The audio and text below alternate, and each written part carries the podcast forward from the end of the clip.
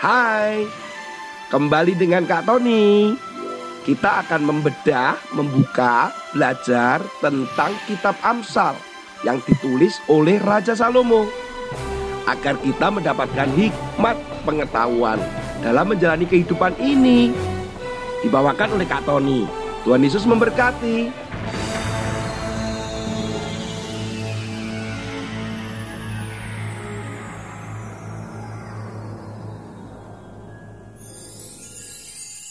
Hai anak-anak, ketemu lagi dengan Kak Tony.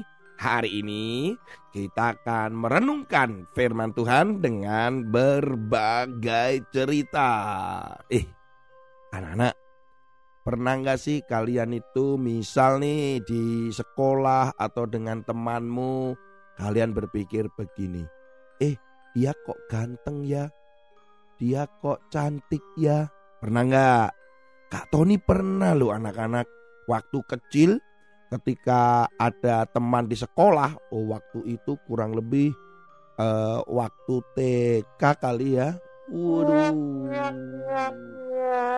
Kok ada temennya Kak Tony yang lucu, imut-imut gitu loh. ya. Nah, Kak Tony itu rasanya tuh gini, seneng loh kalau melihat, seneng loh kalau berjalan di depannya. Seneng kalau dia ada di situ, Kak Tony nyanyi. Wah, nyanyinya jadi lebih kenceng dan kemudian nyanyinya jadi dibuat lebih baik gitu loh. Wah, ingin dilihat gitu loh dengan temannya Kak Tony yang yang cantik itu gitu. Nah, itu biasanya kita sebagai manusia itu muncul itu normal-normal saja bahwa ketika kita melihat uh, anak atau teman kita yang cantik, yang ganteng, eh kok aku hatiku jadi ser-ser begitu ya, gitu. Nah, itu wajar. Tetapi yang tidak boleh adalah kecil-kecil kok malah pacaran. Nah, itu yang nggak boleh anak-anak karena belum siap. Tetapi yang namanya melihat kemudian mulai naksir itu sering kali muncul karena itu yang kadang disebut sebagai cinta. Nah, anak-anak kok jatuh cinta gitu ya. Wah, itu mungkin karena melihat ada yang lebih dari orang lain. Ada temanmu yang lebih cantik, yang kamu anggap cantik. Eh kok baik sekali ya. Eh kok dia kok memperhatikan saya ya. Jadi mungkin seperti itu. Nah anak-anak ngomong-ngomong tentang cinta itu Kak Tony punya sebuah cerita nih. Liu Peiwen ini adalah seorang pemuda, dia juga sekaligus seorang seniman di China. Dan pada tahun 2011, Liu Peiwen melamar kekasihnya.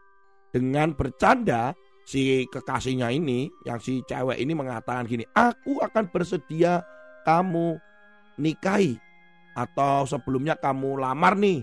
Tetapi kamu harus berjalan menuju ke rumahku. Wah, asik kalau cuma berjalan aja tidak masalah. Tetapi masalahnya perjalanan yang harus ditempuh adalah 1600 km. Yaitu dari kota Anyang ke Guangzhou. Waduh, itu jaraknya 1600 km. Tetapi Peiwen yang demi cinta karena dia mencintai si gadis ini, dia mau melakukannya. Sehingga dia berjalan satu hari adalah 40 km. Akhirnya sampai juga anak-anak ke Guangzhou dan menemui orang tua daripada si gadis itu. Setelah menemui orang tua dari gadis itu, kemudian bercakap-cakap dan ngobrol saat Peiwen akan pulang. Nah, tiba-tiba si gadis itu mengirimkan SMS atau teks kepada Peiwen. Dia mengatakan bahwa maaf ya, saya tidak ingin menikah dengan kamu karena orang tua si gadis telah menjodohkan dengan orang lain. Ya Tuhan Yesus, sudah jalan 1600 km demi cinta ternyata si gadis tidak mau dinikahi. Padahal kan tadi sudah ngomong bahwa mau dinikahi kalau Taiwan jalan 1600 kilo ke Guangzhou. Waduh. Kasihan ya Taiwan. Ada lagi cerita yang lain anak-anak. Yaitu Ivan Grozny. Ivan Grozny adalah seorang yang berjuang untuk merebut sebuah kota bernama Kazan. Pada abad ke-16, Ivan Grozny yang dikenal sebagai Ivan the Terrible, dia akhirnya menguasai kota Kazan. Dan saat itu kota Kazan dipimpin oleh seorang wanita yang cantik sekali bernama Ratu Suyumbike.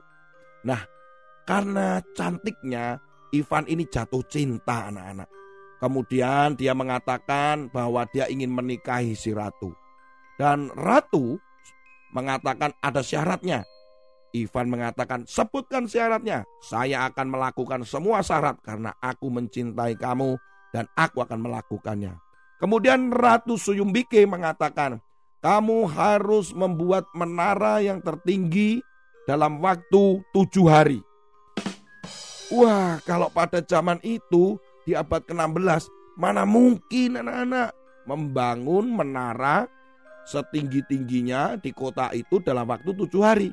Tetapi karena demi cinta, Ivan ternyata bersama dengan timnya, dengan semua orang, akhirnya berhasil membangun menara itu dalam waktu tujuh hari.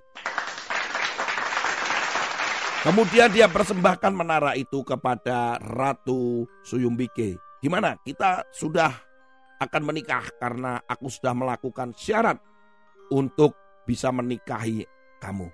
Kemudian si Ratu Suyumbike naik ke atas menara itu karena memang Ivan menunjukkan betapa hebatnya menara itu. Dan saat itu apa yang dilakukan oleh Ratu Suyumbike? Eh malah menjatuhkan diri ke bawah dan akhirnya Ratu Suyumbike mati. Cintanya tidak terbalas. Jadi menara itu tinggal sebuah kenangan saja dan saat ini ada di kota Kasan di Tatarsan, Rusia. Anak-anak, orang itu kalau sudah cinta, wah apa pun akan dilakukan. Firman Tuhan di dalam Amsal pasal 7 ayat 22. Maka tiba-tiba orang muda itu mengikuti dia seperti lembu yang dibawa ke pejagalan. Dan seperti orang bodoh yang terbelenggu untuk dihukum. Ayat ini menerangkan bahwa pemuda ini dilambangkan adalah kita sebagai manusia Kemudian mengikuti siapa? Itu mengikuti perempuan yang jahat. Jadi dilambangkan adalah dosa. Jadi kalau kita sudah terlanjur cinta dan terikat dengan dosa. Dan itu seperti kita itu dibawa ke mana saja gitu loh. Mau ke mana saja dibawa, mau di, melakukan apa saja mau. Kalau kita sudah melakukan atau main game misalkan Gamenya nggak apa-apa, tapi isi gamenya itu loh yang berbahaya. Main game yang penuh dengan kekerasan, terus kita kecanduan, itu kita terikat. Setelah terikat, maka kita akan dibuat supaya kita melakukan apa saja. Contohnya karena game itu memerlukan uang, maka kita bisa saja mencuri. Karena game itu memerlukan penghargaan untuk menang, kita bisa saja cheating atau dengan curang melakukan permainan itu. Jadi kalau sudah cinta, senang sekali kita tuh seperti terikat gitu loh anak-anak. Nah kalau sudah terikat, sudah terus melakukan seperti itu, kita itu seperti tadi lembu yang dibawa ke pejagalan. Artinya lembu itu siap dipenggal kepalanya dan mati. Seperti orang bodoh yang terbelenggu untuk dihukum. Jadi sepertinya kita tuh nggak ngerti mana yang benar, mana yang harusnya dilakukan. Kenapa? Karena terlalu mencintai dosa itu. Dan kita akhirnya namanya terikat atau kecanduan. Sebenarnya dalam hidup ini kalau engkau, kalian ini nih mencintai Tuhan, sayang dengan Tuhan, maka kalian juga akan melakukan apa saja yang Tuhan Yesus mau. Itu sebenarnya yang paling baik. Apa yang menjadi perintahnya, apa yang harus dilakukan. Itu yang Tuhan Yesus inginkan. Seperti Yesus dia pernah mengatakan bahwa kalau engkau mau mengikuti aku, maka engkau akan melakukan perintahku. Kalau engkau mau jadi muridku, engkau melakukan perintahku. Jadi kalau kita mencintai Yesus, kita melakukan apa pun untuk Yesus. Seperti Yesus dong. Yesus kan mencintai kita semua. Karena Yesus mencintai kita semua, dia mau loh mati di atas kayu salib demi kamu. Dia mau loh tersiksa dan sakit menderita demi kamu dan Kak Tony. Dan dia mati di atas kayu salib demi cintanya padamu dan padaku. Tetapi Yesus bangkit hidup. Dan pastinya Yesus juga akan datang kembali menjemput kamu dan aku. Kenapa? Karena dia mencintai kita semua. Tuhan Yesus memberkati, hati-hati dengan cinta ya, tapi cintailah Yesus dengan sepenuh hatimu, jiwa, kekuatanmu semuanya. Amin.